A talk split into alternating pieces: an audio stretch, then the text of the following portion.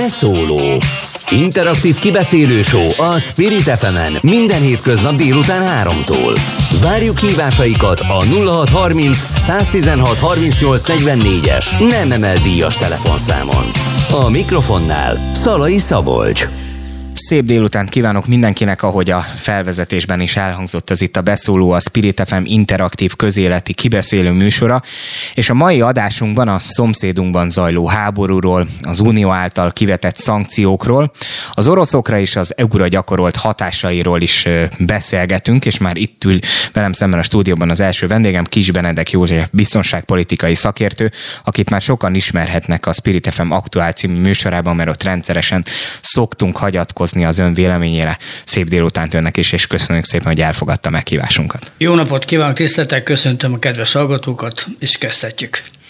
Amiről ö, mindenképpen szeretnénk a mai adásban beszélni, az ugye az aktuál az egy kicsit másfajta műsor abban a tekintetben, hogy ott mindig a háborúnak az aktuális állásáról, hogy akkor most mi a helyzet a fronton, erről szoktunk inkább szót ejteni, de én most itt a műsor idő lehetőséget hagy számunkra arra, hogy egy kicsit bővebben is kifejtsük a, a véleményünket erről az egész helyzetről, és megnézzük a big picture-t, az úgynevezett nagyképet.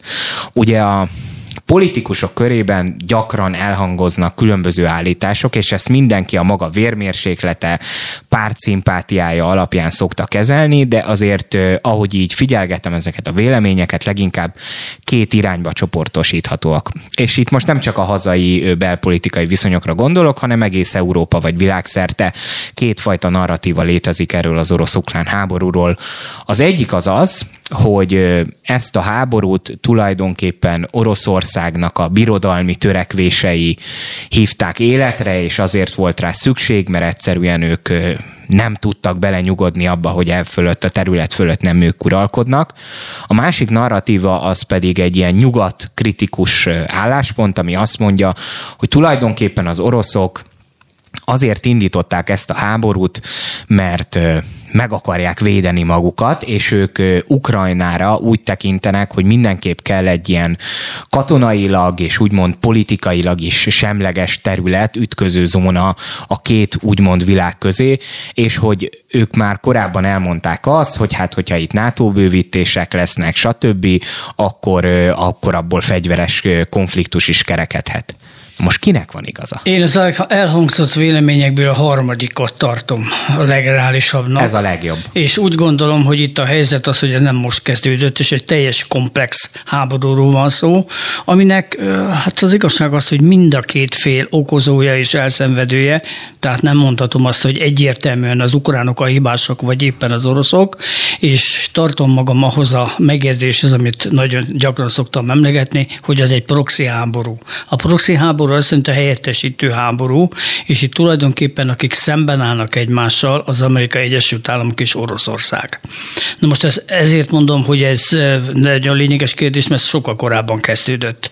Amikor az oroszok próbáltak ugye Krimet elfoglalni, és sikerrel lesz meg is tették 2014-ben, illetve hát a szomszédos országokkal is volt néhány összetűzésük, emlékszünk rá, Grúziával, stb. stb. Tehát itt látjuk azt, hogy az oroszok mindenképpen meg akart akarták, vagy meg akarják tartani azokat az országokat, amelyek régen a Szovjetunió részét képezték. Azt nem engedjük el, mondja az orosz politika, és ezt éppen a napokban elfogadott új orosz külpolitikai stratégia is megerősíti, katonai stratégiák is elég sűrűn változtatták az utóbbi időben, de egyik sem mondja, hogy ez nem így van. Na most nyilván erre az orosz törekvésekre reagáltak, és különösen a 2014-es krimi háborúra, illetve a krimi elfog, Krim elfoglalására a nyugatiak, hát megindult a haragszomrát politika, de korábban is volt már olyanra példa, hogy ugye még 2008-ban azt mondták, hogy meghívjuk a NATO-ba Grúziát, meghívjuk Ukrajnát, meghívják, meghívjuk Moldovát, na most az orosz gondolkodásban ez nem fér bele. Tehát ők nem tudják azt elképzelni, hogy egy ország megválasztatja magának azt, hogy hová tartozik.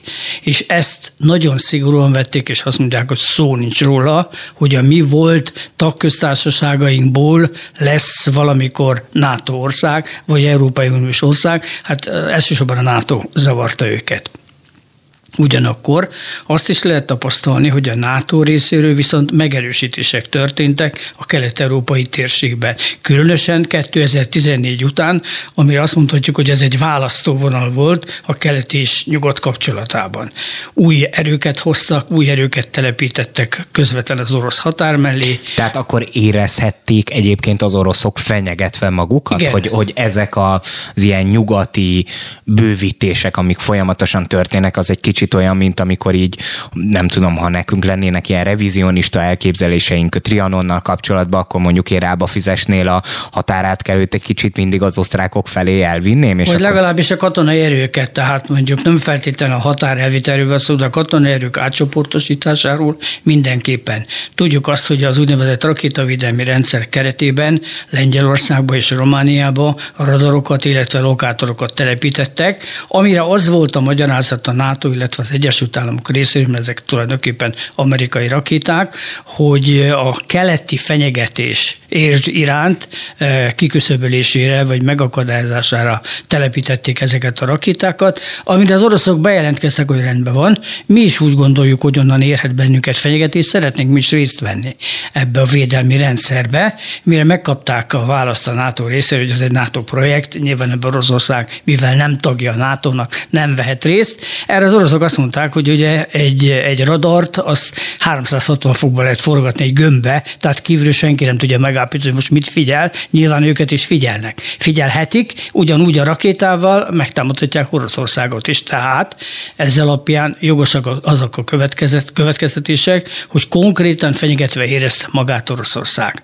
A következő dolog az, hogy elég harcias kijelentések hangzottak el, hát elsősorban a három balti ország részéről, érezve maga mögött a NATO-nak az ötödik cikkeit, hogy ha őket megtámadják a oroszok, akkor természetes dolog, hogy a NATO erre reagálni fog. Aztán ismerjük az lengyel és az orosz viszont, tehát barátiak nem nevezhető, soha nem is volt.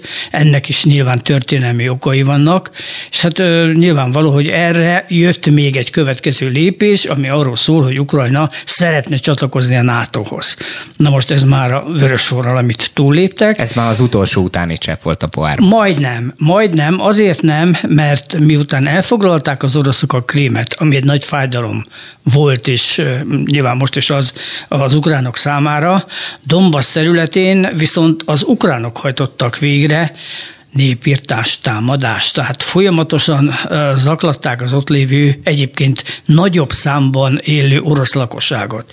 Na most ezt viszont az oroszok nem törték, és erre mondta az Putyin, az Putyin, hogy nekünk meg kell védeni ezt a területet, ahol a mi embereink laknak. Tehát a Luhansk és Donbass térségét nekik természetesen alapvető kötelességük, hogy védelemben részesítsék, miután körülbelül 2014 és 2022 kettő között olyan 6-8 ezer ember halt meg. Hát tudjuk, hogy ott volt különböző fegyveres testületek, ugye az EBSZ képviseltette magát, figyelték a dolgokat, fogadtak el arra vonatkozó megállapodást, hogy betartják a tűzszüneti egyezményt, nem tartották be, de erre nyugodtan mondhatom azt, hogy sem az oroszok, sem az ukránok, tehát ez nem működött. Nem volt az háború, de majdnem.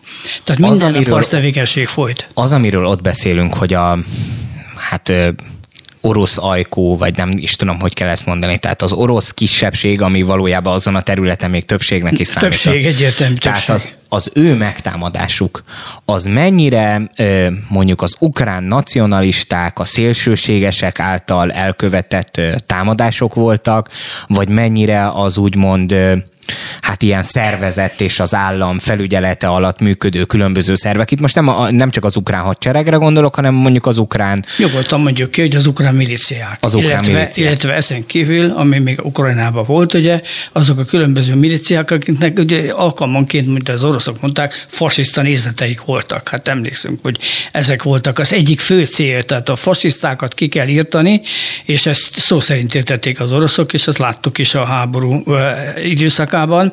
Hát tulajdonképpen ez egyik célja volt a háborúnak, mert ezt Putyin mielőtt elkezdődött a háború, világosan megfogalmazta, hogy melyek a célok. Hát többek között a fasiszta különítményeknek a likvidálása az benne volt. Benne volt az, és az is világosan kifejezésre került, hogy meg kell oldani azt, hogy Ukrajnában legyen egy rendszerváltás. A rendszerváltás azt jelenti, hogy a meglévő hatalmat el kell zavarni. Nem egy nyugatbarát, hanem inkább az Egy orosz barát hatalom. Igen. Ezt akarták elérni, mint ahogy már korábban is volt. volt Ez ilyen. most nem sikerült, és hát erre azt mondta Putyin, hogy akkor más megoldás nincs, indítsunk meg egy úgynevezett különleges műveletet, háborút a senki nem mondta, azóta sem mondják ki azt, hogy háború van, hanem azt mondják, hogy különleges művelet, aminek célja elsősorban az, hogy rendszerváltást hozzunk létre Ukrajna területén. Ez a mai napig nem sikerült, pedig ezzel kezdődött, hogy Kiev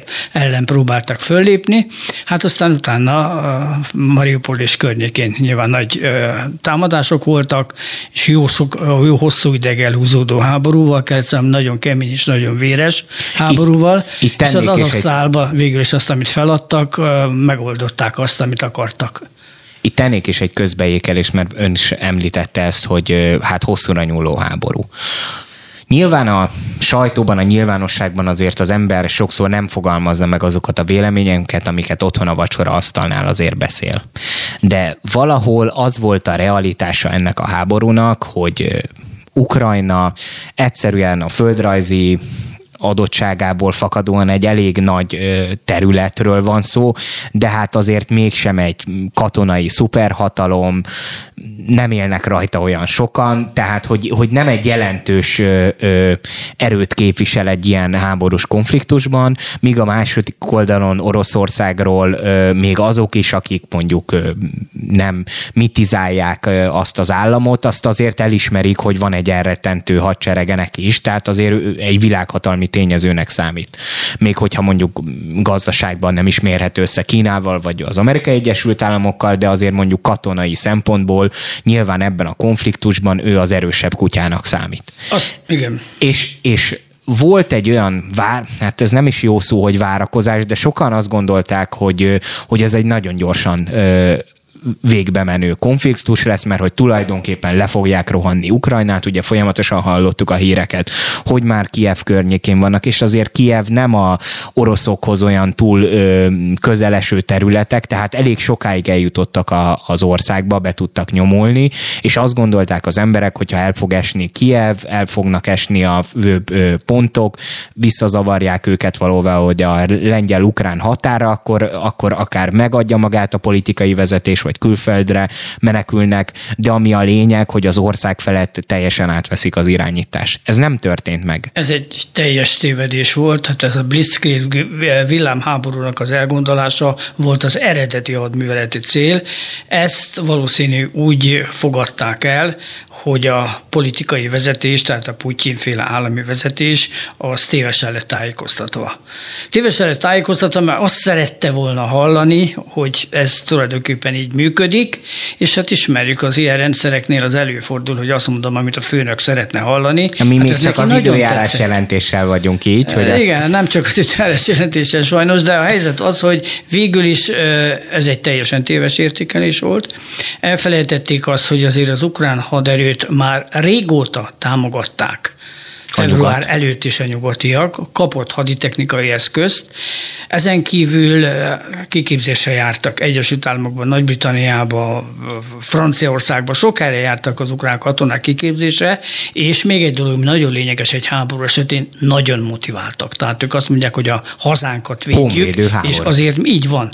Ukrajna történetének ez egy olyan része lesz, amit majd fognak emlegetni, hogy a nagy honvédő háború, ami so, aminek során ugye megvalósítottuk azt, hogy Ukrajnát eh, megerősítettük, elfogadtattuk a világba, és most mondom előre, hogy az ukrán hadsereg a jövőben az egy nagyon jól felszerelt, európai szinten igen jó kiképzett hadsereg lesz, teljesen mindegy most ebből a szempontból, hogy a határvonalat hol húzzák meg.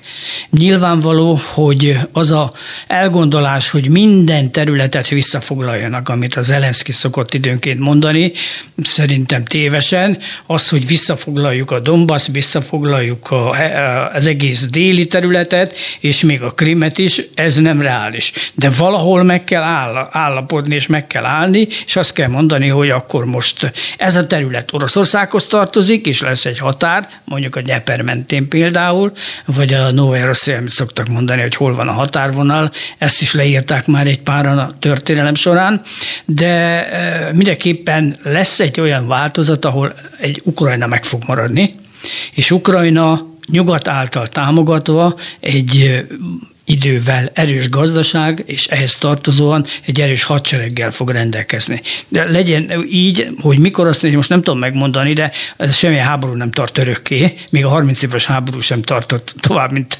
30 év, sőt, még addig sem, de a helyzet az, hogy, hogy ennek a háborúnak valamikor véget kell érnie, hogy kinek és milyen áron, azt majd meglátjuk, de egy dolog is, amivel kezdtem, hogy arról van szó, hogy proxy háború, az amerikai egy Egyesült Államok és a nyugat nem engedheti meg azt, hogy ezt a háborút Oroszország még nem Ukrajna mellett vannak ők annyira, Oroszország ellen.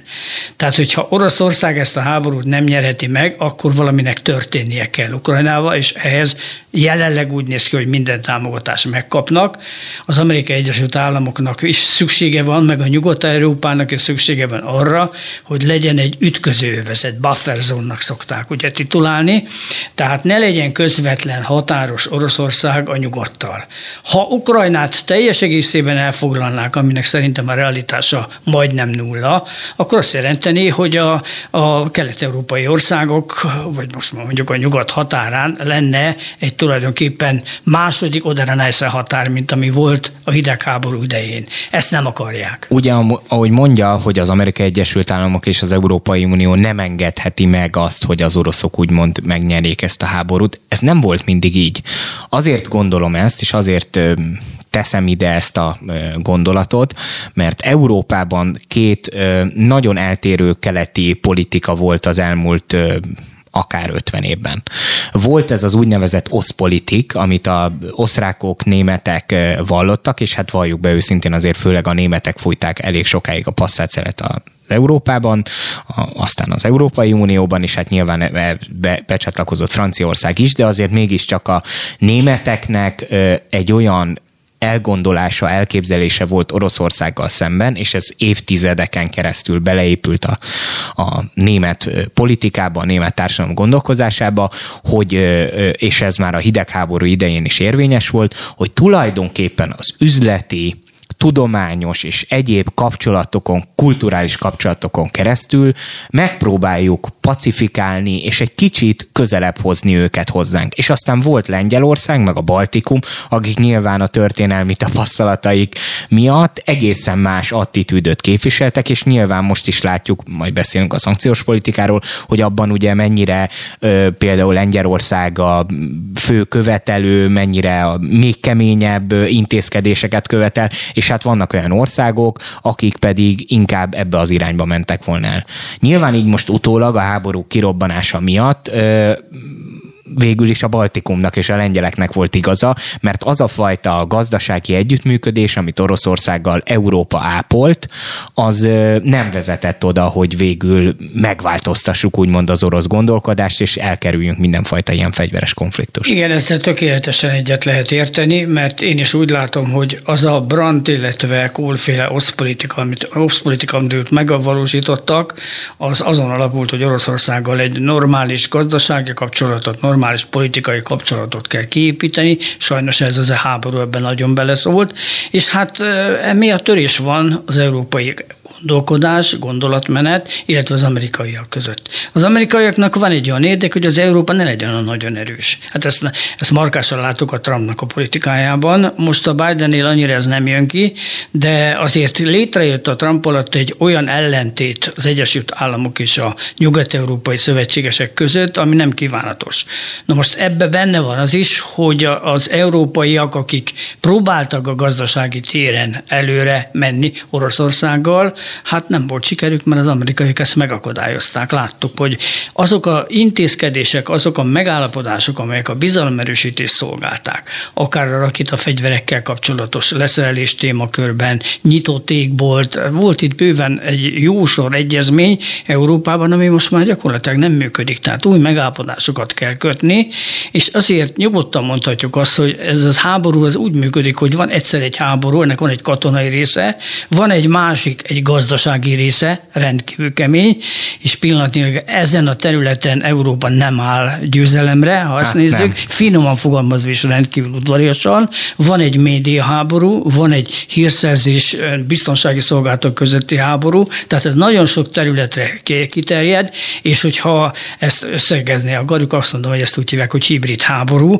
aminek az atya egyébként az orosz jelenlegi vezérkari főnök, aki ezt kidolgozta, hogy hogyan kell ezt Oroszországnak csinálni, tehát nem csak katonai, hanem egyéb területen a Gerasimov doktrinának hívják, egyéb területeken is ki kell dolgozni a konkrét szembenállásnak a részleteit, és ezt próbálgatják. Most ez működik, tehát tulajdonképpen egy új stratégia alkalmazása van kidolgozás alatt. Aztán ezt meg lehet vizsgálni, hogy hogy működik ez a diplomáciában, hogy működik a politikában, és hogy működik a haderők alkalmazása területén, mert abból is óriási tapasztalatok vannak, és nagyon komoly eltérések ahhoz képest, hogy, ahhoz képest, hogy hogyan néz ki a mai magyar modern hadviselés, ha megnézzük például az iraki háborút, ugye, vagy az afganisztáni háborút, ami azért megvan, hogy milyen eh, elvek alapján működött, ehhez nem is hasonlít, amit most az oroszok csináltak, és én is, mint, mint eh, katona, teljesen eh, csak néztem, hogy akkor hogy lehet most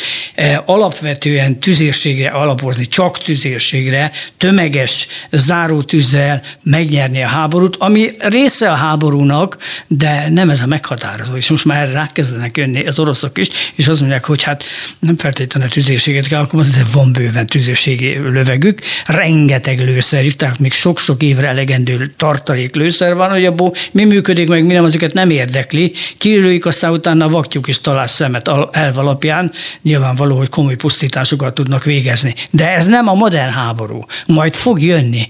Kívánom, hogy ne legyen belőle, de most már kezdenek abba az irányba elmenni az oroszok is, hogy alkalmazok a drónokat. Ők is bevezették ezt, vesznek az irániaktól drónokat, ukránok kapnak bőségesen, tehát most már mondhatjuk azt, hogy lassan bekövetkezik a drónok harca, ami azért olcsóbb, mint a repülőgépek alkalmazása. Hát és arról nem beszélve, hogy mondjuk olyan jelentős emberáldozatokkal sem jár, mint amikor nem tudom én, rakétákat lőnek ki, nem? Tehát, hogy... Hát járhat, mert meg komoly pusztításokat lehet. Mert hát a egy... drónok is bombáznak épületeket? Hát, hát hogy ne, hát rá lehet retenni a rakétát, és rá lehet tenni bombát, és jönnek a harckocsik, és egy viszonylag olcsó. Igen, csak török. például hallottuk, hogy a közel-keleten az amerikaiak, amikor bevetették a drónokat, akkor hogy az annyival jobb elvileg, mint az ilyen nagy hatótávolságú rakétacsapások, hogy viszonylag pontosabbak, kisebb területeken van, hogy csak egy adott célszemélyt semmisítenek meg Olcsó, mondjuk. attól függ, hogy milyen drónról uh-huh. van mhm. szó. Tehát ebben a háborúban például a törökök ötösre vizsgáztak a Bayraktar 2 drónnal, mert a Bayraktar drónok nagyon pontosan dolgoznak. Na ennyire és, ne szakmázzuk el. És hogyha megvan, megvan a pontos cél, megkapják, hogy hova kell lőni, akkor annak sikere van. Tessék megnézni a mostani uh, ukrán előrehaladást, ahol ők az amerikai fegyverekkel halálpontosan tudnak lőni. És ugye a média hozza az, hogy hát az ukránok támadják az erőművet, nem az erőművet támadják, az erőmű közelében lévő orosz csapatokat, akik szintén oda mentek azzal a cél, hogy onnan támadják az ukránokat. Tehát van ebben elég sok cselebbe az egész háborúban, és hát nyilván majd a tapasztalatokat le kell vonni sokan vannak, akik a hidegháborúhoz hasonlítják a helyzetet, és hogyha esetleg mondjuk bizonyos béketárgyalások ra sor kerülhetne a két ország között. Ha jól értem, akkor tulajdonképpen a fegyveres konfliktus az az egyetlen olyan része, ami mondjuk befejeződne, tehát konkrétan lenne egy fegyverszünet, de ha jól értem, akkor az orosz és a nyugati ö, helyzet miatt, mert ez egy több fronton vívott háború, akkor itt ö, másik frontokon a gazdasági, a diplomácia és az egyéb frontokon a háború tulajdonképpen nem szűnne meg, de erre válaszolni már csak a szünet után lesz lehetőség, mert közben jelezték nekem a szerkesztők, hogy elfogyott a műsoridőnk, de akkor innen fogjuk folytatni. Okay. Addig is maradjanak velünk, és hát hallgassák meg a promóciókat is. Beszóló Interaktív kibeszélő show a Spirit fm minden hétköznap délután 3-tól. Várjuk hívásaikat a 0630 116 38 44-es nem emel díjas telefonszámon. A mikrofonnál Szalai Szabolcs. Folytatódik a beszóló, és ahogy az adás első fél órájában már tudhatták azok a hallgatók, akik velünk voltak, ma az orosz-ukrán háborúról és az Európai Unió által kivetett szankciókról is beszélünk. Egy kicsit nagyobb képet nézünk ebben a témában, és amit itt Kis Benedek József biztonságpolitikai szakértőnek még az adás szünete előtt feltettem kérdést, azt most megismételném. Tehát tulajdonképpen arra vagyok kíváncsi, hogyha itt egy ilyen hibrid háború folyik, aminek van egy fegyveres fegyveres konfliktus része, de egyébként egyéb más frontokon is a hírszerzés pontján, a diplomáciában, a politikában, a gazdaság, egyéb más területeken is zajlik ez a konfliktus. Ha itt lesz is valamilyen fajta béketárgyalás, akkor az azt fogja jelenteni, hogy csak a fegyveres konfliktusnak lesz vége, vagy minden egyéb tevékenységet is be fognak fejezni a felek, és egyáltalán kik azok a felek, akiknek a békeasztalhoz oda kell ülnie, hiszen meg vannak azok az érvek, hiszen hogyha ezt elfogadjuk, hogy ez valóban egy proxy háború, és azért az ukránok mögött ott van a nyugat, de leginkább az Amerikai Egyesült Államok, akkor Oroszországnak a legnagyobb garanciát az amerikai elnök szignója adna. Én is úgy gondolom, Itt és most már hangot is adtam erre, igen. Én is úgy gondolom, hogy a béke megállapodásnak legalábbis irányítói szinten az amerikai és az orosz fél között kell létrejönni. Tehát egy kicsit egyszerűsítve a dolgot én azt mondanám, hogyha Putyin és a Biden megegyezne, akkor ennek a háborúnak vége lenne nem egyeznek meg. Ez a probléma. A másik eh, gondolatom a kérdéssel kapcsolatban az az, hogy nem csak a fegyverszünetre vonatkozik. Tehát nem jelenti azt, hogy a katonák visszamennek a eredeti békehelyőrségükbe, és nem folytatódik a harc, hanem ez politikai, gazdasági, földrajzi, tehát minden területen, hát egy békeszerződésben sok minden benne van. Ennek elsődleges része a megállapodás, a politika, és utána ennek a részterületeit dolgozzák ki. Hát akit ezt részletesebb ebben érdekel, jó néhány ilyen békeszerződést meg lehet nézni, és abban látszik, hogy nem csak a katonai e, csendről van szó. Ez, a, ez az egyik része a dolognak, sajnos ez most pillanatnyilag nem aktuális. Tehát egyik fél sem áll úgy, de ha megnézzük a hadműveletek helyzetét, akkor nyugodtan meg lehet azt állapítani, hogy nem tudják most azt mondani sem az ukránok, sem az oroszok, hogy holnap fejezzük be. Még akkor sem, ha van ilyen vágy. Tudnilik, ott van Herson, most akkor mi lesz Herson, hova fog tartozni? Kell a déli terület az oroszoknak, magyarul el akarnak-e menni Ogyesszáig, azt már nem is merem mondani, hogy esetleg tovább is, míg Transnistriát is bekebelezzék, vagy álljunk meg Herson után, és mondjuk azt, hogy a Fekete-tenger az továbbra is az ukrán fennhatóság alatt fog állni. Ez gyakorlatilag még döntést igényel. Sőt, nem sikerült megvalósítani az oroszoknak, és ez egy nagy fájdalmuk, az, hogy elzavarják a Zelenszky féle kormányt. Tehát ez még nagyon messze van, és azért Kievnek a megtámadás, azt láttuk mindjárt az elején, hogy ez nem egy, nem egy kis dolog, hát egy majdnem egy három milliós város, aki fölkészült a védelemre. Tehát az ukránok már nagyon régóta készülnek arra, hogy védelmi vonalakat építettek ki, megerősítették a, a lakott területeket, bejáratokhoz harckocsiakasztókat tettek, stb. stb óvóhelyeket, amennyire lehet előkészítették, tehát nyilvánvaló, hogy komoly támadó erők szükségesek ahhoz, és ezt a jellegi orosz hadsereggel, ami most megvan, nem tudják megvalósítani. Tehát nem értem el a célt, mit tudok csinálni, folytatom.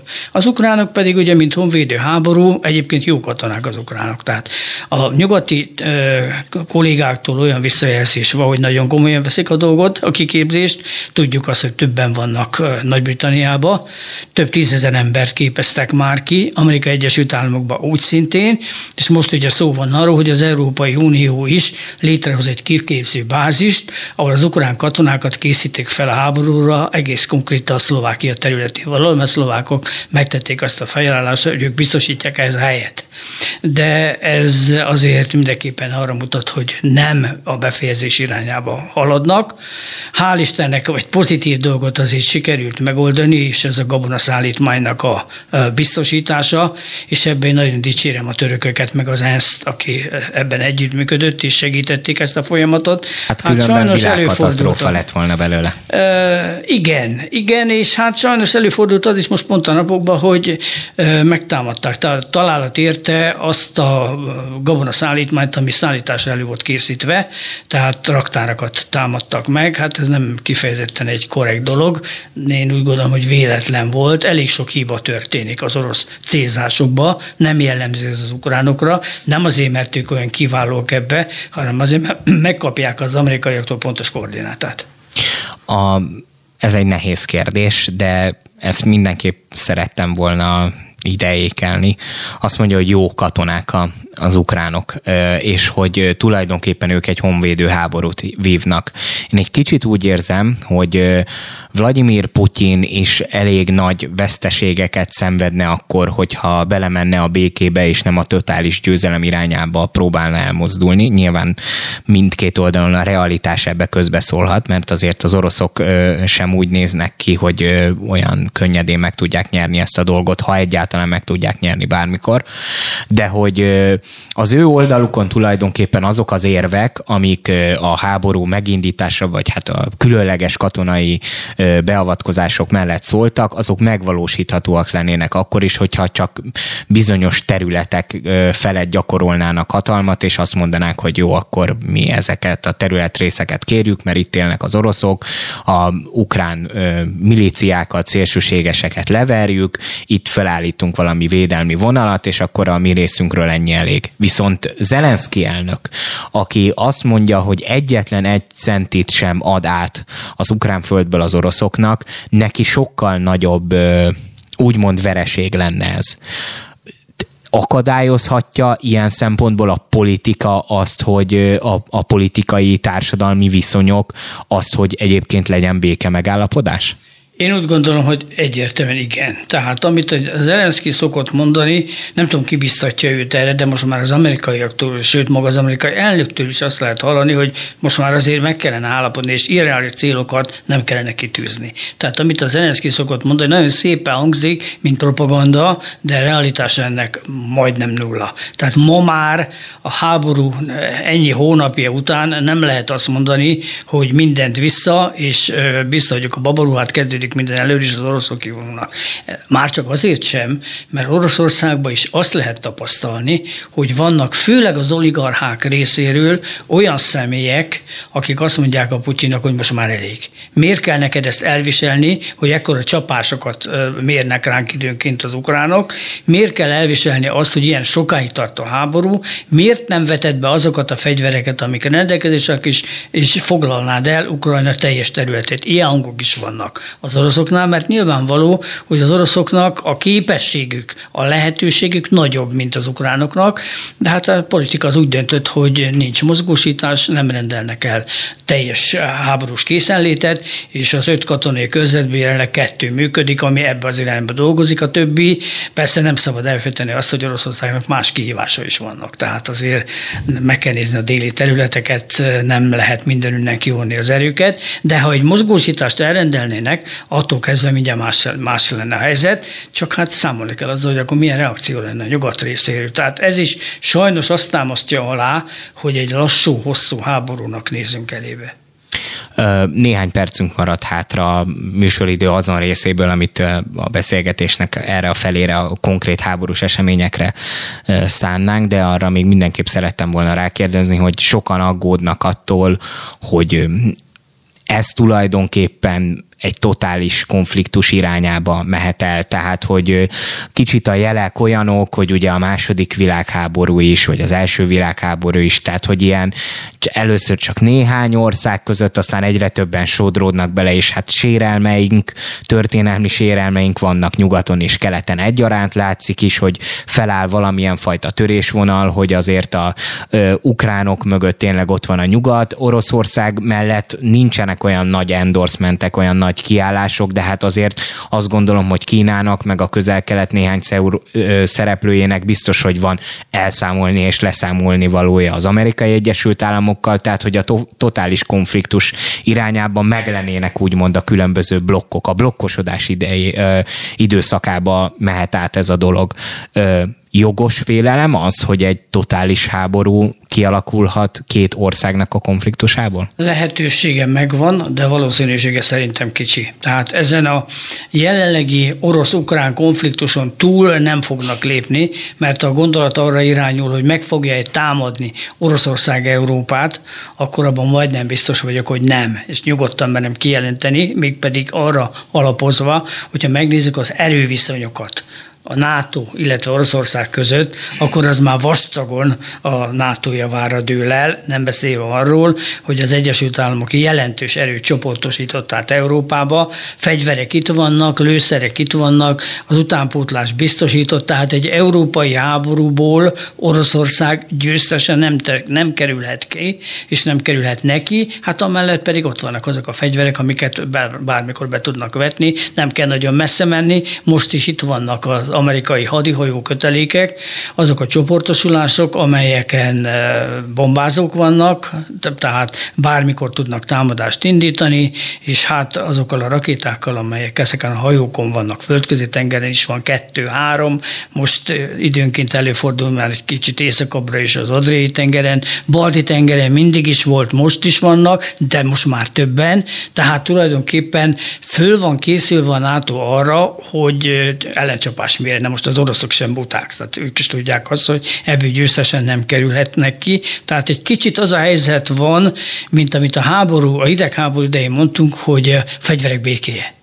Na most ugyanez van európai szinten, én is és úgy gondolom, hogy nem mennek bele ilyen kalandpolitikába az oroszok, mert tudják, hogy ebből győztesen nem kerülhet ki. Most is itt ilyen aztán közben elhangzanak itt különböző kijelentések, hogy Kínával hogy vannak. Kína nem akar háborút.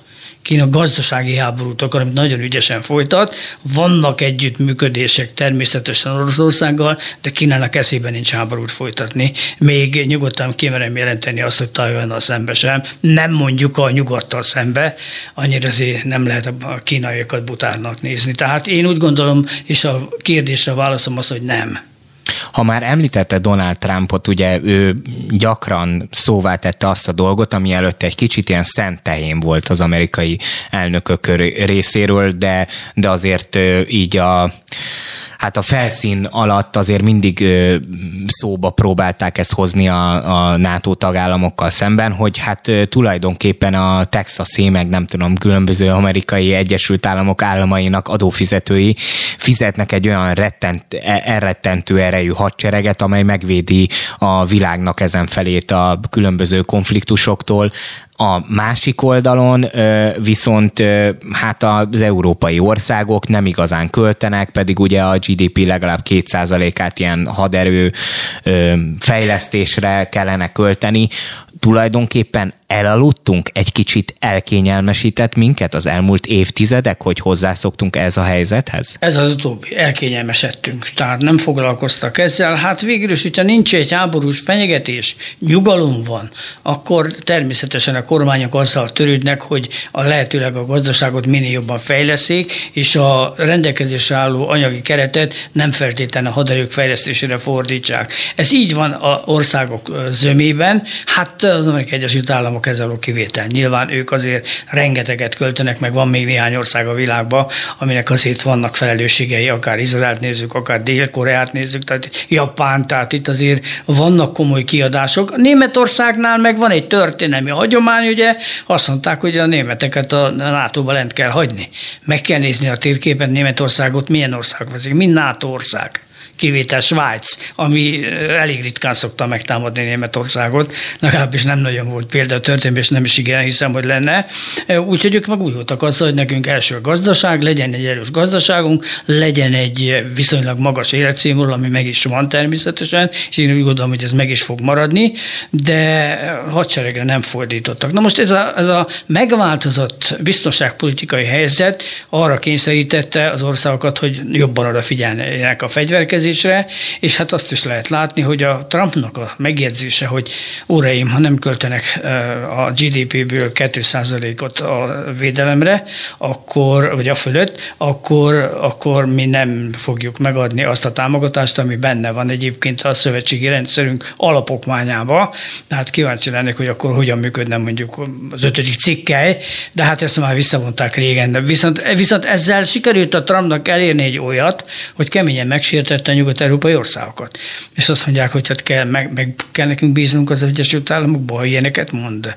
És itt a franciák is, meg a németek is rendkívül idegesek voltak emiatt. Most már nem is téma ez, ez Trump idejében volt csak téma. Hogyha megengedi, akkor most már bekapcsolnám az adásba Latman Tamás nemzetközi jogást is. Itt van velünk a vonalban, egyébként ön is hallja majd Köszönöm. a fülhallgatón tele, keresztül. Szép jó napot kívánok, szia Tamás! Egy jó napot kívánok, üdvözletem a hallgatóknak! Tulajdonképpen itt az adás eddigi közel egy órájában a háborúnak a különböző vetületeiről beszéltünk, és most egy kicsit elmennénk a szankciók irányába. Itt kialakult egy tulajdonképpen részben politikai, részben pedig gazdasági, hát ilyen konfliktus vagy vitahelyzet, hogy tulajdonképpen működnek-e az Európai Uniós szankciók, vagy nem. Te ezt a kérdést hogyan látod? Általában Ugye abban én nem szívesen foglalok állást részletekben menően, hogy ténylegesen mondjuk minden létező gazdasági mutató és egyéb tekintetében mennyire tekinthetőek ezek a szankciók eredményesnek vagy eredménytelennek. Amit biztosan látunk az az, hogy Oroszország nagyon sok stratégiai szükségletéből kifutott, tehát ezt nem tudja pótolni, ekként pedig ugye természetesen egyfajta hatékonysága ezeknek a szankcióknak azért nem vonható kétségbe, de tény, és ez árnyalja a képet, hogy minden egyes szankciós politika, különösen egy olyan, aminek a, a passzív oldala egy nagyobb gazdasági, nagyobb gazdasági struktúra, az előbb-utóbb azért mind a két félnek elkezd fájni.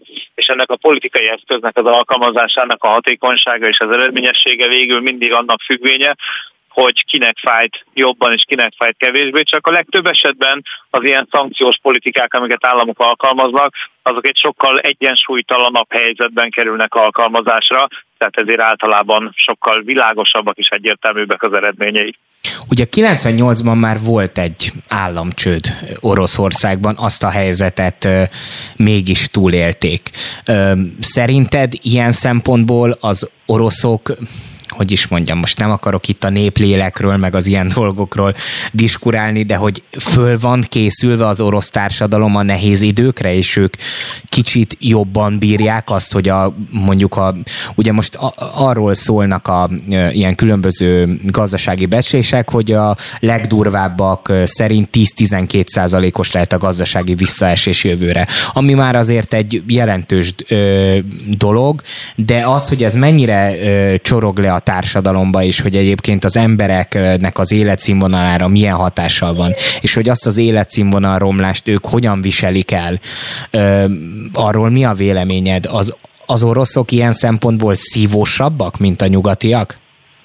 Én úgy gondolom, hogy az orosz társadalom ebből a szempontból krízis tűrőbb, mint mondjuk egy átlagos nyugat-európai társadalom, de az nem biztos, hogy igaz és különösen orosz viszonylatban biztos, hogy nem igaz, hogy a szankcióknak az elsődleges célja az lenne, hogy a társadalomnak a krízistűrő képességét próbára téve próbálják nyomás alá helyezni az érintett kormányzatot. Már csak azért is, mert Oroszország azért nem egy mintaszerűen működő demokrácia, ahol minden választásokon mindenféle csalás nélkül érvényesül a népakarata. Tehát azért az utolsó elnökválasztásról is kijöttek a eredmények, ahol bizonyos szavazókörökben 110%-kal nyert Putyin, tehát ezek a fajta demokratikus rendszerekben talán működő, alulról fölfelé működő nyomóhatások, ezek nem szignifikánsak az orosz társadalom és Oroszország tekintetében. Sokkal inkább a jelenlegi szankciós politikának inkább az a célja, amire utaltam az előbb, hogy stratégiailag fontos nyersanyagokhoz ne férjen hozzá Oroszország, és ezzel akár a, a, a fegyver előállítási képesség, a fegyvergyártás, vagy más stratégiai termékek, árucikkek, eszközök előállítása ne lehessen lehetséges. Például bizonyos csipek hiányába bizonyos eszközöket nem lehet gyártani, bizonyos repülő alkatrészekkel, hozzáférés megtagadásával a repülőgépipar hal meg, és még lehetne sorolni. Tehát sokkal inkább ez a nyomásgyakorlás célja szerintem az Oroszországgal szembeni szankcióknak, nem pedig a társadalom esetleges figyelmének felkeltése vagy dühének kiváltása. Most itt van velünk a stúdióban Kis Benedek József is, úgyhogy egy picit hozzáfordulnék, és akkor egy kicsit így kinyitnám a, a beszélgetést felé is.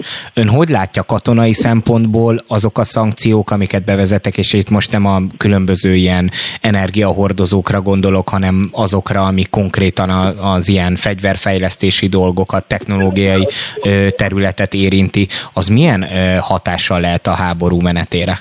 A háború menetére rövid távon nincs hatással, nagyobb távon, hosszabb távon viszont mindenképpen, mert nem tudják beszerezni azokat a fejlett technológiákat, amelyek a mai fegyverekhez kellenek, és hát az azt jelenti, hogy Oroszország vissza fog esni a 60-70-es évekbe re, szintjére, amiben nem tudnak beszerezni nyugati technikát, illetve elő fog fordulni olyan, hogy területek el fognak ott is halni. Tehát nagyon komoly hatása lesz, szeretném hangsúlyozni, nem rövid távon de itt Kína nem jelenthet egy alternatívát? És... Kína és nyugatról szerzi be azt, amit tudna, vagy, vagy megszerzi, vagy ellopja.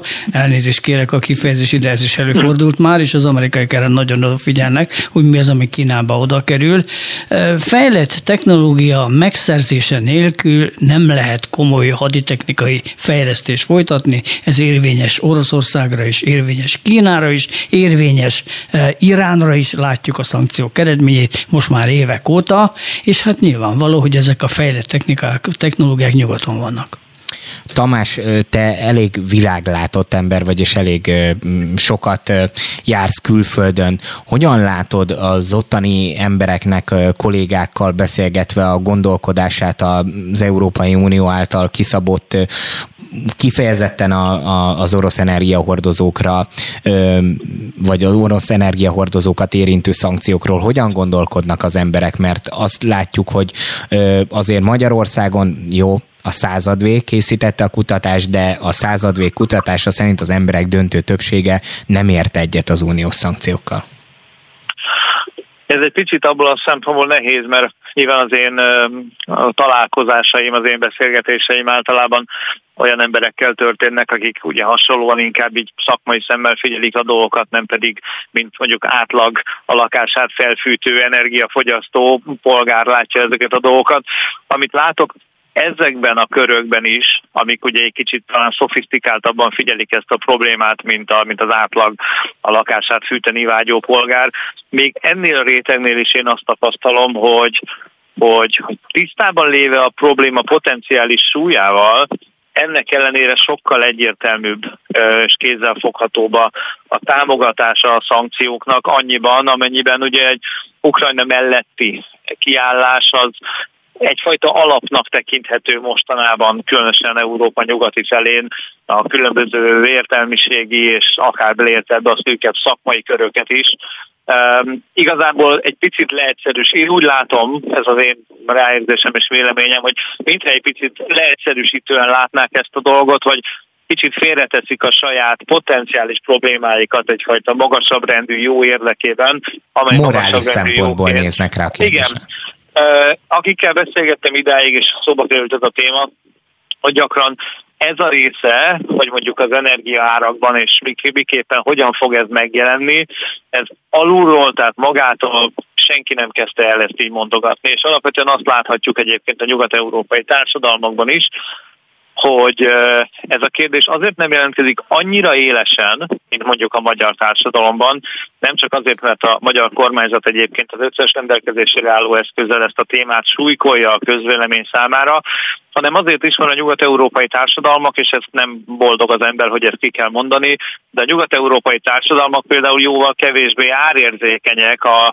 a rezsiköltségek tekintetében például, tehát egy átlag nyugat-európai családnál nem a családi költségvetés, a havi költségvetés 30-40 százalékát viszi el a rezsi, hanem szignifikánsan kevesebbet, ami azt jelenti, hogy itt nem is annyira napirenden van, nem is annyira van napirenden ez a probléma. Persze az inflációt mindenki látja, az árak emelkedését mindenki látja, de most megint egy személyes dolog. Én összehasonlítva például a budapesti és mondjuk a brüsszeli és a prágai árszinteket, ahol ugye jelen vagyok elég intenzíven, masszívan a budapesti árszint emelkedés a leglátványosabb és a legnagyobb szintű. Tehát természetesen a magyarok ezt jobban érzik. Tamás, az még a kérdésem, hogy folytathatjuk veled a szünet után, mert most el kell mennünk egy szünetre mindenképp, de a, az óra második felében még számítanék rád egy kicsit, hogyha ráérsz. Természetesen, igen. Akkor Latman Tamás nemzetközi jogásszal folytatjuk. Kis Benedek József biztonsági politikai szakértőnek pedig köszönjük szépen, hogy itt volt velünk, és elmondta mindezeket egy rövid szünet után. Köszönöm szépen megkövást. Beszóló Interaktív kibeszélő a Spirit fm minden hétköznap délután 3-tól. Várjuk hívásaikat a 0630 116 38 44-es nem emel díjas telefonszámon. A mikrofonnál Szalai Szabolcs. Folytatódik a beszóló, az interaktív közéleti kibeszélő műsor. Szép délután kívánok azoknak, akik már az első órában is velünk voltak, és azoknak is, akik csak most kapcsolódnak be az adásunkba. A mai ö, műsorban a szomszédunkban zajló háborúról, az Unió által kivetett szankciókról, és annak Európára, az oroszokra és kifejezetten Magyarországra gyakorolt hatásairól is beszélgettünk, és hogyha minden igaz, akkor már itt van velünk újra a vonalban Latman Tamás nemzetközi jogász. Szia Tamás! Jó napot kívánok, üdvözletem a hallgatóknak! Ugye ott hagytuk abba az előző órában, hogy egy kicsit a nemzetközi megítéléséről beszéltünk az uniós szankcióknak, legalábbis arról a szubjektív megítélésről, amit te tapasztalsz, és említetted Prágát, hogy te aktívan jelen vagy ott is többek között, és ugye nemrégiben, aki a nemzetközi sajtót, eseményeket figyeli, az olvashatta, hogy Csehországban volt egy elég jelentős tüntetés, ahol hát azt követelték, hogy vegyék vegyék le az ukrán zászlókat, tegyék helyére a cseh zászlókat, és hát, hogy a állam vezetői foglalkozzanak inkább Csehország problémáival, és ne az ukrán háborúval, mert itt egyre elviselhetetlenebbek a rezsiköltségek. Ezzel kapcsolatban milyen tapasztalataid vannak Csehországban? Tényleg egy kicsit ilyen, hogy is mondjam, szankció ellenes hangulat kezd el kialakulni? Mik a tapasztalataid?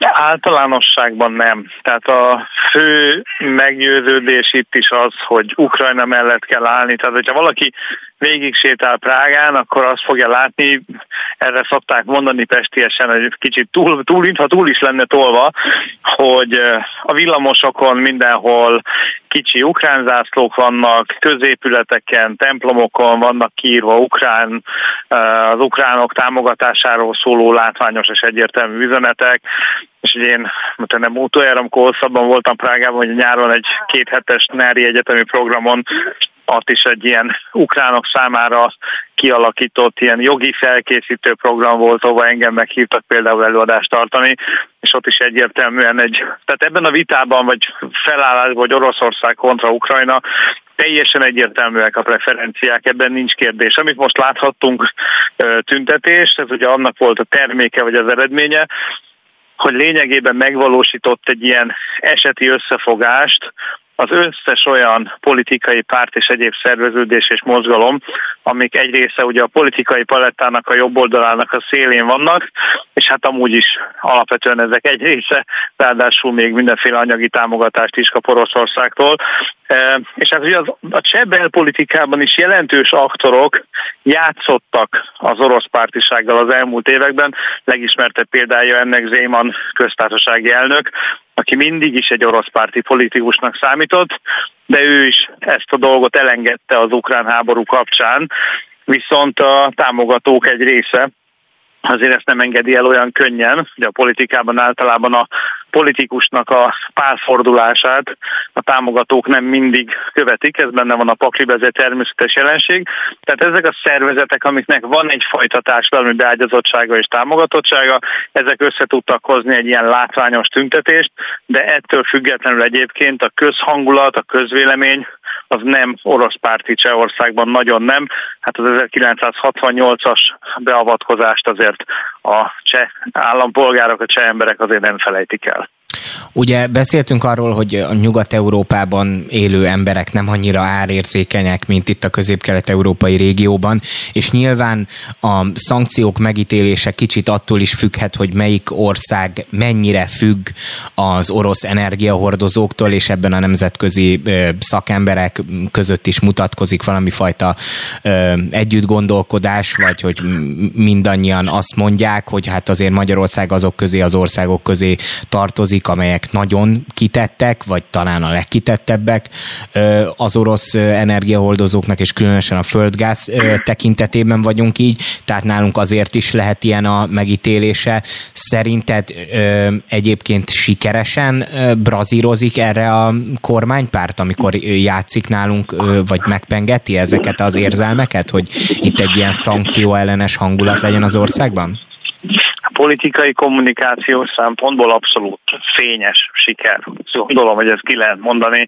Um, és bizonyos mértékig a politika vastörvényei uh, szempontjából bizonyos mértékig nekik ezt is kell csinálniuk, hiszen uh, azt látjuk a magyar kormánypártoknak a kommunikációjában, meg a kormány kommunikációját ismerve, hogy azt nekik olyan nincs, hogy nincs igazuk. Tehát ez egy jól ismert metódus, ezt látjuk amióta a Fidesz van kormányon, de itt azért annyit hadd engedjek meg magamnak, hogy valószínűleg bármilyen más kormány lenne, valószínűleg az első nekifutás egy ilyen helyzetnek ott is mindig az lenne, mert ez a politika természetéből fakad, hogy minden körülmények között nekünk kell, hogy igazunk legyen, bár a magyar politikában még emlékeim szerint soha senki nem próbálkozott azzal, hogy beismert, hogy valamit elrontott vagy tévedett. Hát az aki volt ilyen és szűk körben megtette, abból el, elég nagy balhé igen, igen, de azt ne tekintsük ide tartozónak, mert hát ott nem egészen az történt, hogy a miniszterelnök nyilvánosan bejelentette, és a választók elé állt, hogy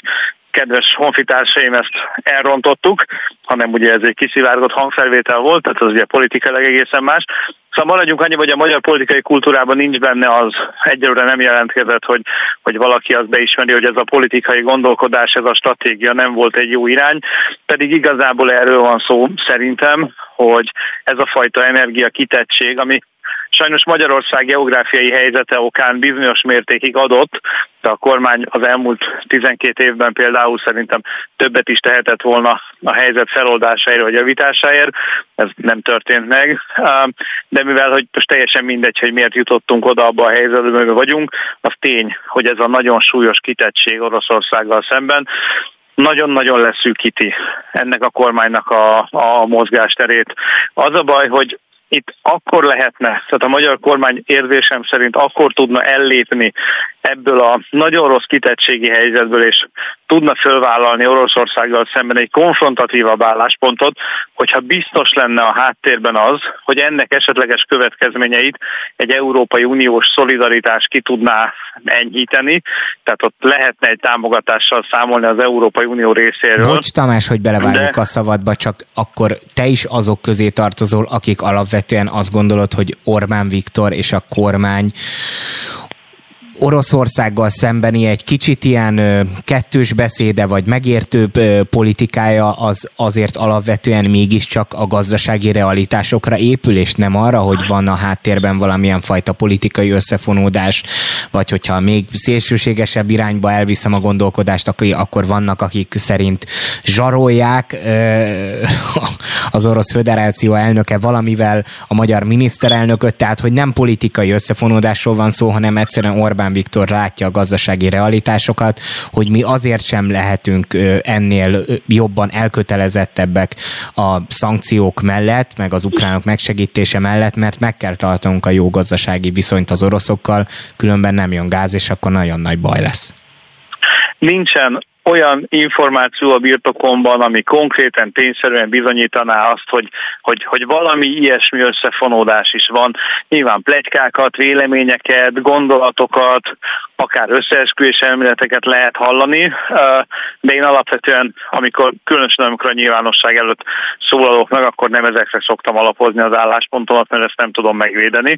Tehát én úgy gondolom, és azért is mondtam az előbb, hogy hogy, hogy vagyis hogy, hogy fogalmaztam az előbb, hogy a tök mindegy, hogy miért jutottunk idáig, Tehát azért gondolom, hogy ebben a helyzetben van egy abszolút gazdasági szükségességi szempont, ami a kormánynak determinálja a magatartását mert nem tudok mást mondani, meg nem, nem tudok más bizonyítani, viszont itt zártam volna le ezt a gondolatot azzal egyébként, hogy, hogy ez, ez egyébként abból a szempontból amúgy is egy, egy, bocsánat, hogy azt mondtam, hogy az Európai Unió támogatása biztos lenne a háttérben egy szolidaritási mechanizmus esetében, akkor a kormány ettől el tudna lépni. De ugye az a baj, hogy az elmúlt években az Európai Unióval szemben is a kormányzat egy nagyon konfliktusos, agresszív politikát vitt. A szankciók tekintetében egyébként olyan kérdésekben is belebegtette a vétót, mint például Kirill Pátriárka, aminek egyébként semmi köze már nincsen a magyar nemzeti gazdasági meg egyéb érdekekhez. Tehát a lényeg az, hogy a Magyar, Magyarország és az Európai Unió viszonya is politikailag súlyosan terhelt, és ezért a kormányérzésem szerint nem tud magabiztosan számolni egy esetleges uniós szolidaritással, és ez megint arra kényszeríti, hogy bizonyos mértékig ezt a fajta agresszív álláspontot tartsa fenn. Tehát szerintem akár van bármilyen olyan összefüggés vagy összefonódás, amire utaltál az előbb, szerintem nincsen azokra szükség ahhoz, hogy magyarázható legyen a kormányzat jelenlegi álláspontja, de egyébként a különböző összeesküvés elméletekben és hasonlókban jöjjenek azok a jobb oldalról, vagy a bal oldalról, a kormánypártól, vagy az ellenzéktől, én amúgy sem szoktam hinni. De egyébként csak Magyarország van ilyen szempontból szerinted egy speciális helyzetben, hiszen azért az Európai Unió több tagállama, főleg a németek, akik aztán ö, tényleg az európai gazdaság motorja, és Magyarország borzasztóan kitett annak, hogy a német gazdaság éppen hogyan ö, funkcionál. Tehát ők is elég erősen függenek a, az orosz gáztól, és tulajdonképpen egész Európában ö, arra rendezkedtünk be, ö, persze ebben vannak más tagállamok, Dél-Európában van egy speciális helyzet, mert ott az LNG-re van kiépített infrastruktúra, de alapvetően azért inkább az orosz földgáz, olcsó földgázra hagyatkozott mindenki, ki sem építettük az LNG-hez szükséges infrastruktúrákat, amik nekünk vannak az az orosz földgázhoz jók, és hát úgy volt vele mindenki, hogy ez tulajdonképpen még hosszú évtizedeken keresztül egy fenntartható helyzet. Hát több tagállam is hasonló kitettségi helyzetben van, mint Magyarország. Ha már beszéltünk Csehországról például, akkor ez ott is egy, egy jelentős probléma, és éppen ezért tud bizonyos mértékig az ottani belpolitikai kommunikációba is működni az orosz kérdés, mert ezt Csehországban is nagyon jól tudják. Csak azért nagyon olyan, hogy mondhatnánk Szlovákiát is akár, ami ugye megint nem a saját energiahordozó bőségéről híres, szóval lehet ezeket a példákat még hozni, csak ugye ami egy jelentős különbség, hogy ezek az államok az elmúlt években nem egy olyan konfliktusos, feszültséges politikai rendszert alakítottak ki az Európai Unióval szembe, mint Magyarország. Tehát az ő gondolatukban ez egy sokkal reálisabb elképzelésnek tűnik, most, most politikus fejjel gondolkodva egy kicsit, hogyha, hogyha valami gond van, akkor valamiféle európai szolidaritásban lehet gondolkodni. Ez a magyar kormányzatnak a gondolkodásából és különösen a kommunikációjából teljes mértékben hiányzik. Ugye a mai napig arról szól a magyar kormánynak a kommunikációja, hogy nekünk van gázunk, meg mindenki más meg éhen fog halni, meg meg fog fagyni. Tehát ugye még tavaly télen is, meg ugye a választási időszakban is azt hallgattuk a magyar kormánytól, hogy Nyugat-Európában mindenki meg fog fagyni, de legalább, legalább születnek a férfiak, kinek mit intézett a kormánya. Na most amikor ilyen zöldségek hangzanak el, akkor abból azért nagyon nehéz átfordulni egy olyan álláspontra, hogy hát mi itt az energiabiztonság, a fűtés miatt is lehet, hogy valamilyen uniós szolidaritási mechanizmus szeretnénk igénybe venni, míg mondjuk a cseheknél vagy a szlovákoknál a politikai mozgásterét a kormánynak ez nem befolyásolja, mert ugye ott az van, hogy hát akkor majd az Európai Unió majd segít. Most vagy tud segíteni, vagy nem tud, ugye ezek a viták előttünk vannak, hogy ezek a mechanizmusok kialakuljanak, vagy, vagy adat esetben ne alakuljanak ki, de politikai kommunikációs szempontból ezek a kormányok sokkal könnyebb helyzetben vannak, mint amiben a magyar kormányzat van. De hogyha végül úgy alakul a helyzet, hogy tényleg mindenkinek le kell válni az orosz energiahordozókról, akkor előfordulhat az, hogy Brüsszelben majd azt mondják Orbán Viktornak, amikor megy esetleg pénzt kérni, hogy rendben van, de az átállásnak nagyon súlyos költségei vannak, x éven belül tudjuk csak levezényelni, de ha adtok pénzt, akkor erre fogunk költeni, és erre azt mondják Orbán Viktornak, hogy hát Viktor, kinek mit intézett a kormánya? Nem létező tárgyalások eredményét megjósolni semmilyen szempontból nem lenne szakszerű tehát nem tudom elképzelni. Er, ezzel Egyébként csak pedig azt az ilyen... Nem értem. Hogy Igen, nem meg akartam fordítani azt a szituációt, uh-huh. hogy mi hogyha nem is vagyunk ö, szolidárisak más országokkal, ugye el is hangzik a kormányoldal részéről, hogy tulajdonképpen Brüsszel el akarja venni ö, ugye a gázunkat az európai szolidaritás jegyében, akkor ö, ebben nyilván az a gesztus benne van, hogy, hogy mi a másik oldalon, ha nem vagyunk szolidárisak, akkor mi hogyan várjuk el, de általában az Európából érkező forrásokra Orbán Viktor mindig azt szokta mondani, hogy de nekünk ez jár.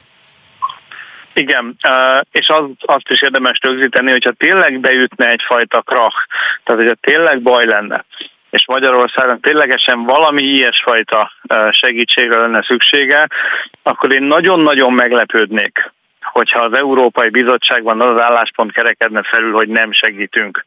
Mert egész egyszerűen ez az Európai Unió struktúrájából nem következik. Tehát az ilyen jellegű feszültségek feloldása, az ilyen jellegű problémákban tényleg működik egyfajta szolidaritás, hogy az előtt, meg az alatt egyébként a belföldi politikai kommunikációs térben milyen kijelentések hangzanak el, mikor ezt azért jellemzően ideig a rendszerben mindig mindenki be tudta árazni. Tehát azért azt nem hiszem, hogyha ilyen baj állna elő, akkor Magyarország semmilyen segítséget nem kapna az Európai Uniótól. Az már egy másik kérdés, hogy annak adott esetben milyen politikai ára lenne, Nyilván nem az lenne, hogy Orbán Viktornak megmondják, hogy akkor mostantól e, sárga csillagos kék lobogóba csavarva kell állnod, megjelenned a Magyarország gyűlés ülésén, tehát ilyesmiről nincsen szó, de, de hát bizonyos mértékig a következő időszakra a magyar, politik, magyar kormány politikai mozgástere e, teljes mértékben szűkülne. Mondok egy elméleti felvetést, csak nagyon fontos, hogy ezt rögzítsük, hogy most egy picit kötszurkálok, tehát olyan dolgokról beszélünk, ami még nincs, és nem szeretném, hogy legyen de a következő időszakban lesznek olyan kérdések az Európai Unió előtt, ahol bizony konszenzus kényszeres döntési folyamatok vannak, tehát például a legfontosabb a unió saját erőforrásairól szóló rendelet megszavazása, ami ugye konszenzus kényszeres, az esetleges további külpolitikai szankciók akármilyen kérdésben ezek is konszenzus kényszeresek, tehát egy olyan politikai alkú elképzelhető egy ilyen helyzetben, hogy, hogy Orbán Viktor a magyar kormánya vétóját nem fogja gyakorolni ezekben a kérdésekben. Ez egy politikai alkú, ami lehetséges ilyen helyzetekben. Elképzelhető, hogy egy ilyen játékot majd fogunk látni a következő hónapokban, vagy az is elképzelhető, hogy nem fogjuk látni, mert ezek nem mindig nyilvánosak, de most rögzítjük, hogy én most lehetőségekről beszéltem, nem mondom azt, hogy biztos, hogy ez meg fog történni, csak az, hogy ez nem kizárható.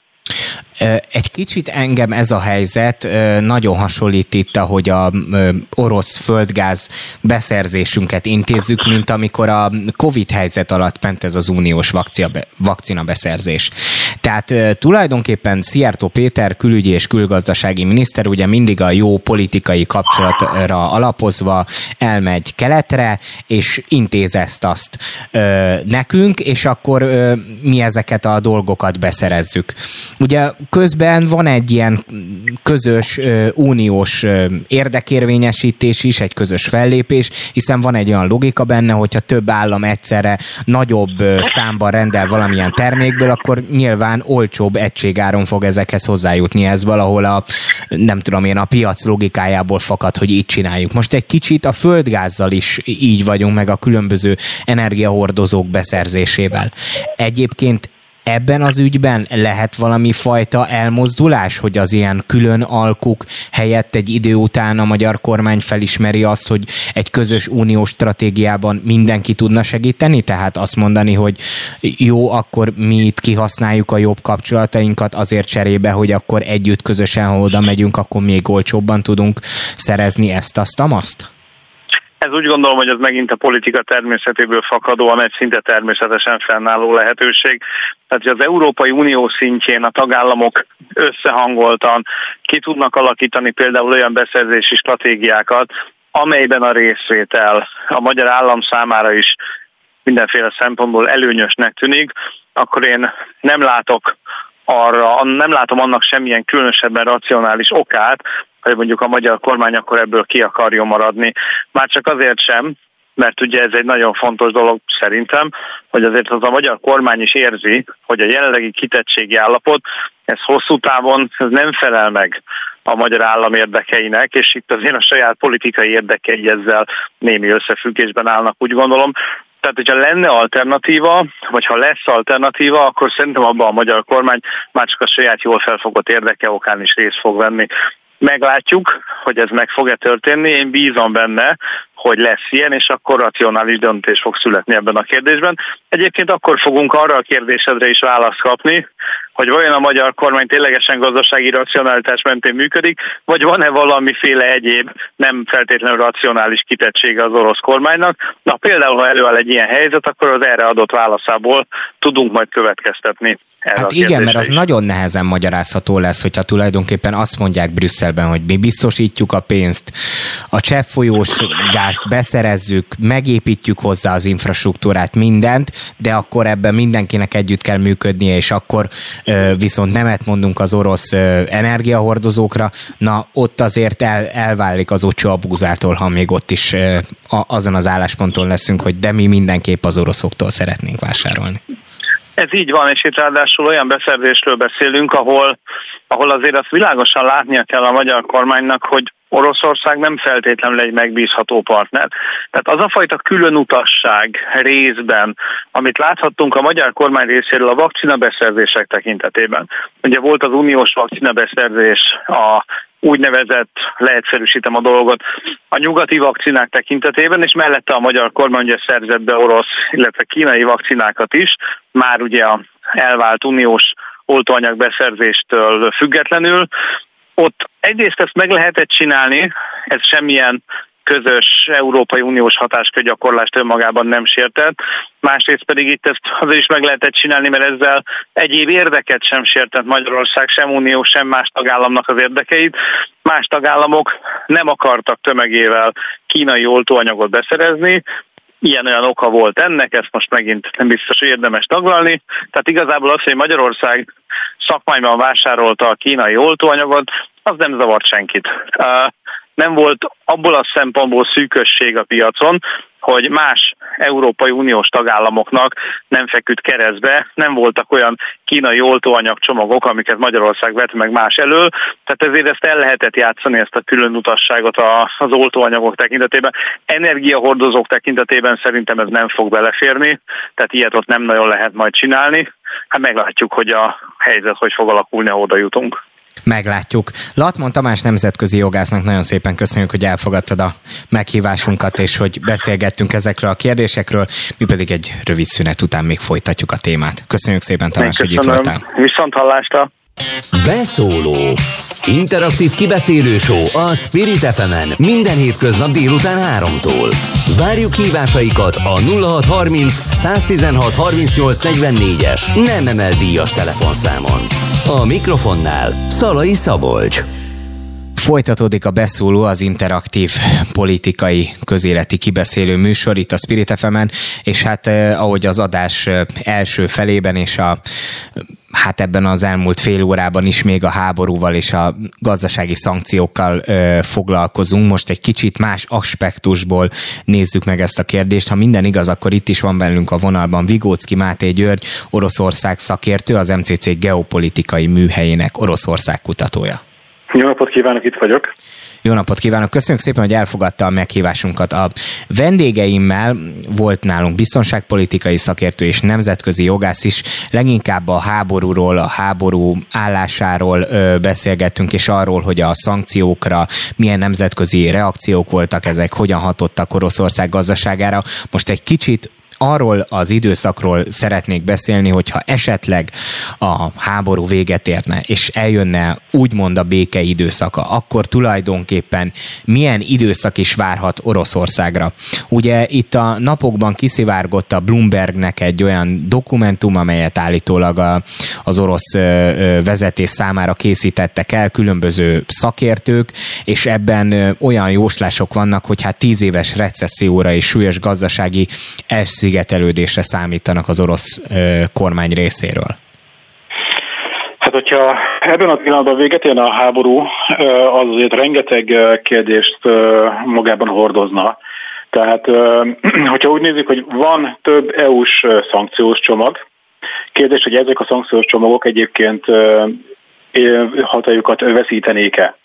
És ezek közül van egyébként kettő olyan szankciós csomag, amely még egyébként nem lépett életbe, viszont nagyon fontos. A évvégén fog élbe lépni a kőolaj, az orosz kőolaj behozatalra kirót szankció, amiből több EU-s ország egyébként kimarad, és jövő év márciustól pedig a kőolaj származékokra. Tehát nem lehet tudni, hogy ezek a, ezek a szankciók továbbra is fennmaradnának-e, és emellett még azt sem lehet egyértelműen látni, hogy például azok a nyugati cégek, akik nem a szankciós csomag miatt, hanem saját döntésük alapján kivonultak és bezártak mondjuk nem csak a boltjaikat, hanem a gyáraikat is Oroszországban, ők milyen hamar szeretnének, vagy milyen hamar tudnák azt felvállalni, hogy visszamennek. Tehát nagyon sok kérdés van a mögött, hogy egy esetleges tűzszünet, vagy akár béke megállapodás az hosszú távon Oroszország helyzetét tudná rendezni. Minden esetre Oroszország egyelőre arra készül, hogy a nyugati szankciók és a nyugati szankciókhoz csatlakozó egyéb országok, mint például részben Japán, vagy Dél-Korea és mondjuk Szingapúr is, hogy ezek az országok továbbra sem fognak kritikus fontosságú technológiát exportálni Oroszországba. Le, továbbra sem fog például a, a gépipari eszközöknek a, a, az importja fellendülni, ezért Oroszország hosszú távon arra készül, hogy import helyettesítéssel kell ezeket a hiányosságokat. Azt jelenti, hogy akkor majd ők felépítik azokat a gyárakat, ahol azok a rendkívüli fontosságú mondjuk gépek elkészülhetnek, amivel mondjuk autót lehet gyártani, vagy amivel a saját autógyártásukhoz szükséges egyéb alkatrészeket, amiket eddig egyébként főleg külföldre rendeltek, tehát hogy ők is le, le tudják gyártani. A nyáron lett Denis Manturov miniszterelnök helyettes, az ő miniszterelnök helyettesi kinevezése azért fontos, mert az ő megszabott feladata az az import helyettesítés elősegítése. Tehát az, hogy volt egy ilyen um, szimbolikus lépés, hogy az orosz kormányzatban is egy nagyon fontos pozíciót kapott egy ilyen céllal megbízott politikus, ez is azt jelzi, hogy hosszú távon Hát mondjuk hogy önellátásra vagy nagyobb gazdasági szuverenitásra készül fel Oroszország. Ugye itt vannak olyan kalkulációk, hogy olyan 10-12 százalék körül alakulhat a gazdasági visszaesés. Ez ugye Magyarországon a rendszerváltáskor, ez, erről viszonylag kevés szó esik, de 1990-ben 25-30 százalék között volt, és mégis túlértük nehezen, nagy volt a munkanélküliség, szektorok omlottak össze, nagyon nehéz társadalmi, gazdasági helyzet volt az országban, de kilábaltunk belőle.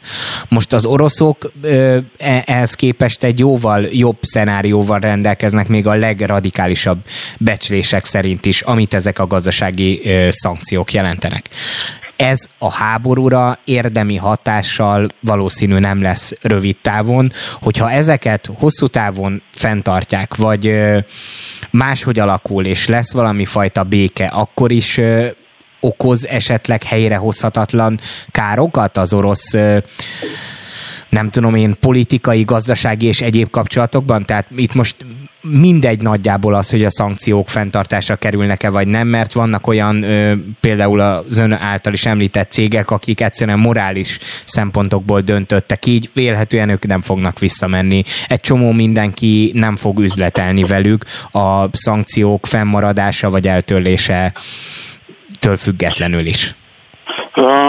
Hát a, azt még az igen hozzá kell tenni, hogy mi ugye azt látjuk, főleg, hogy nyugati cégek vonultak ki Oroszországból, de egyébként ez, ezt ki kell egészíteni azzal is, hogy egyébként nagy kínai tech cégek is ott hagyták Oroszországot, amelyek egyébként Magyarországon is ismertek, és ők hát amennyire én láttam, az itt nem morális okokból, hanem olyan megfontolásból vonultak Oroszországból, hogy nehogy nemzetközi szankciók sújtsák az adott kínai vállalatot, azért, mert egyébként Oroszországban, van a Oroszországban, igen, tehát azért azt látni kell, hogy nem csak nyugati cégek vonulnak ebből ki, és ez egyébként nagyon jól mutatja azt, hogy tehát amennyire ezt a Kremlből lehet látni, hogy még Kína is úgy tekint az orosz gazdaság méretére, hogy Kínának fontosabb fenntartani a, a jó nyugati gazdasági kapcsolatait, mint mondjuk, nemzet, mondjuk nyugati nemzetközi szankciókat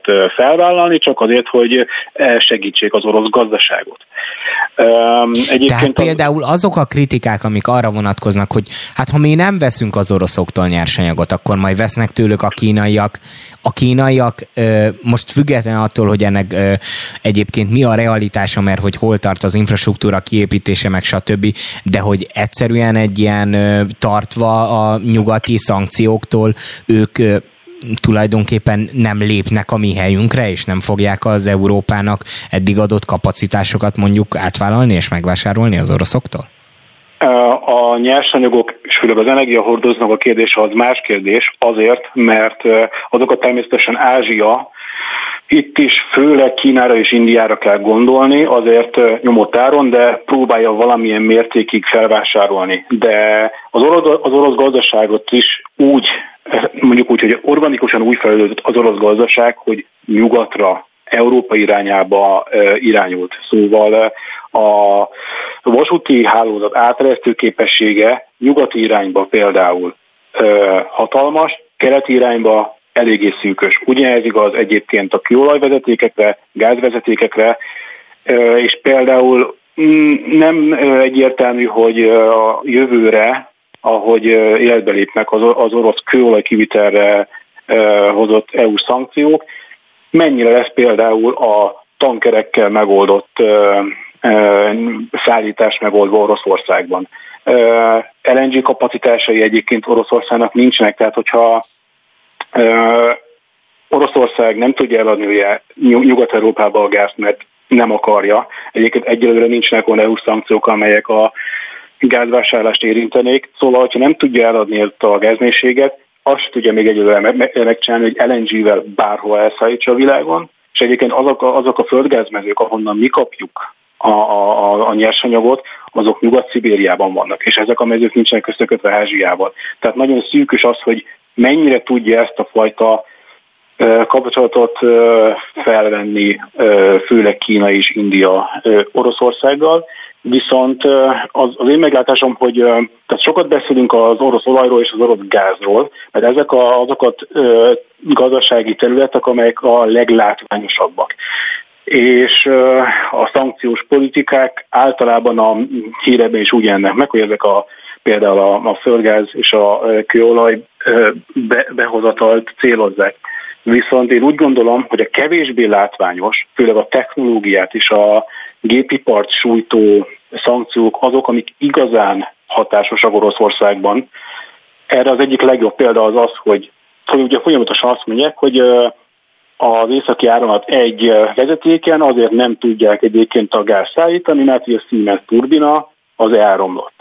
És hogy de technikai problémák vannak, de erre volt egy nagyon érdekes kommentár a napokban, hogy azt kommunikálták, hogy akkor tudják csak megjavítani, hogyha a szankciókat eltörlik velük szemben.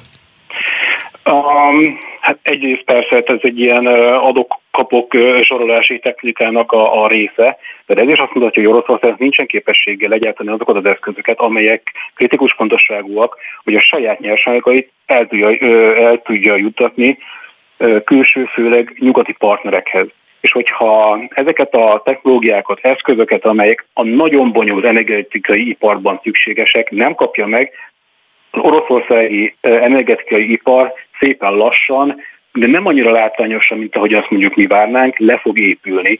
És ezek azok, amik én úgy gondolom, hogy hosszú távon sokkal mélyebb károkat okoznak az orosz gazdaságnak, mint az, hogy most egyik napra másikra szinte, szinte beszüntetjük a kőolaj importunkat.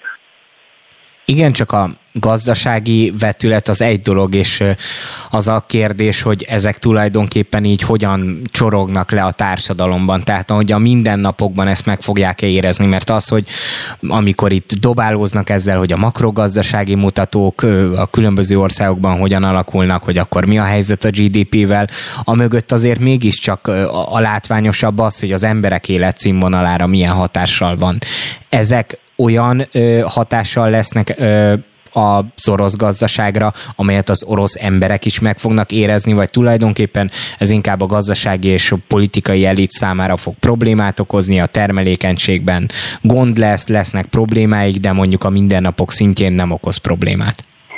De az orosz politikai kultúrában, hogy finoman fejezem ki magam, kevésbé fontos a társadalomnak a véleménye, és azért a társadalom alapszükségleteit jelenleg úgy néz ki, hogy Oroszország biztosítani képes.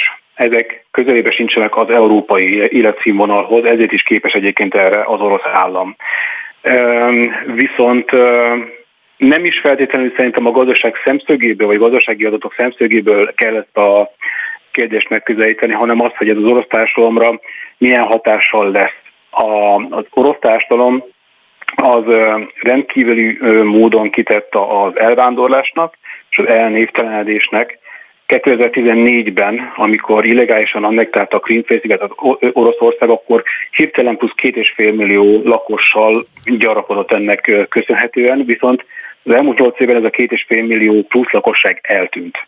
Tehát Oroszországban az alacsony születésszám és az elvándorlás az iszonyatosan nagy károkat tesz magában a társadalomban, és orosz szociológusok is azt hangoztatják, hogy vélhetően a második világháborúban volt utoljára ugyan, olyan alacsony a születésszám, mint ezen az éven. És akkor ezt, hogyha megfeleljük azzal, hogy eddig az orosz adatok alapján is legalább 400 ezeren vándoroltak ki Oroszországból, akkor láthatjuk, hogy a társadalom részéről azért van egyfajta ilyen válasz arra, hogy itt ö, tehát maga az életszínvonal az nem, hogy csökken, hanem ne, nehezebbé válik általánosságban az élet, az emberek inkább nem vállalnak gyermeket, vagy hogyha tudnak, akkor elköltöznek. Tehát én úgy gondolom, hogy a társadalom ilyen jellegű roncsolódása az jobban kifejezi azt, hogy a gazdaság állapota az, az most jelenleg hogy áll. De politikai változást hozhatnak? Tehát ezek elérhetnek? Én úgy gondolom, egy... hogy nem. Én úgy gondolom, hogy a jelenlegi politikai rendszer Oroszországban hát mondjuk úgy, hogy immunis ezekre a, a társadalmi változásokra. A, igen, és a politikaiknek azon része, amelyek viszont közel vannak a döntéshozatalhoz, azokhoz nem mindig fog tudni a Kreml annyi erőforrást allokálni, hogy elégedettek legyenek. És akkor mi lehetne a megoldás? Én egy kicsit azt érzékelem, hogy tulajdonképpen valahol, hát ezt lehet, hogy erős kifejezés, de van egy kis őszintetlenség ö, ö, az Európai Uniós vezetőkben, mert az igazság sokkal fájóbb és szörnyűbb annál, hogy tulajdonképpen mindenki tudja azt, hogy ezek a szankciók nem fogják megelő, megállítani a háborút, nem fogják térdre kényszeríteni Oroszországot, károkat fog hozni a gazdaságába, de inkább közép és hosszú távon, és valójában csak az a megoldás, hogy megszületik valamilyen fajta béke, valamilyen fajta egyezmény ö, Ukrajnával kapcsolatban, vagy pedig az, hogy teljes, totális győzelmet aratnak az oroszok, de igazából ezt a konfliktusban nekünk ennyi eszközünk van, a diplomáciai eszközeink elfogytak, ezeket a gazdasági szankciókat tudjuk kivetni, mert valójában amivel érdemben tehetnénk valamit Ukrajnáért és az orosz nyomulás ellen, ahhoz viszont fegyverek kellenek, és azt meg nem akarja senki, hogy mi is konkrét konkrétan a háborúba belekeveredjünk. Persze, igen, ez egy nagyon nehéz helyzet, mert tulajdonképpen a Persze, persze különböző vélemények vannak, hogy a szankcióknak is mi a, mi a célja, mert valaki, tehát vannak olyan politikusok, politikusok, akik teljesen tönkre akarják ezzel tenni Oroszországot, egyébként ezeknek a véleményeit hangoztatja az orosz média is, de legtöbben mérsékeltebben gondolkozó politikusok nyugaton inkább azt mondják, hogy legyen minél drágább Oroszországnak ez a háború. Viszont a kivetett szankciók hatásait a központi vezetés Oroszországban Hát az első szankciók ugye az elitet célozták, Ez nem állította meg a, nem állította meg a háborút, minden más szankciónak a hatását pedig a társadalom fogja hátán viselni. Szerintem ez már ilyen morális kérdés területe, és ebben nem szeretnék belemenni, hogy egy ilyen szituációban mennyire kell egy, egy agresszor ország ellen a kivetett szankciókat továbbiában is fenntartani. Minden esetre, a, amint az előbb is említettem, úgy gondolom, hogy a célra vezetők a hosszú távú hatást kifejtő szankciók, amelyek a, a jelenlegi orosz gazdasági berendezkedésnek a le, le, lehetetlenülését okozzák. Hogyha Vladimir Putyin marad az orosz elnök, és hát tudjuk, hogy ott azért eléggé kőbevésett politikai viszonyok vannak, és mondjuk tegyük fel, véget ér a háború, van lehetősége neki még visszaülni a különböző asztalokhoz, a világ döntéshozói közé, vagy ő is, az országa is tulajdonképpen párjává válik, mert senki nem bocsátja meg neki azt, amit csinált?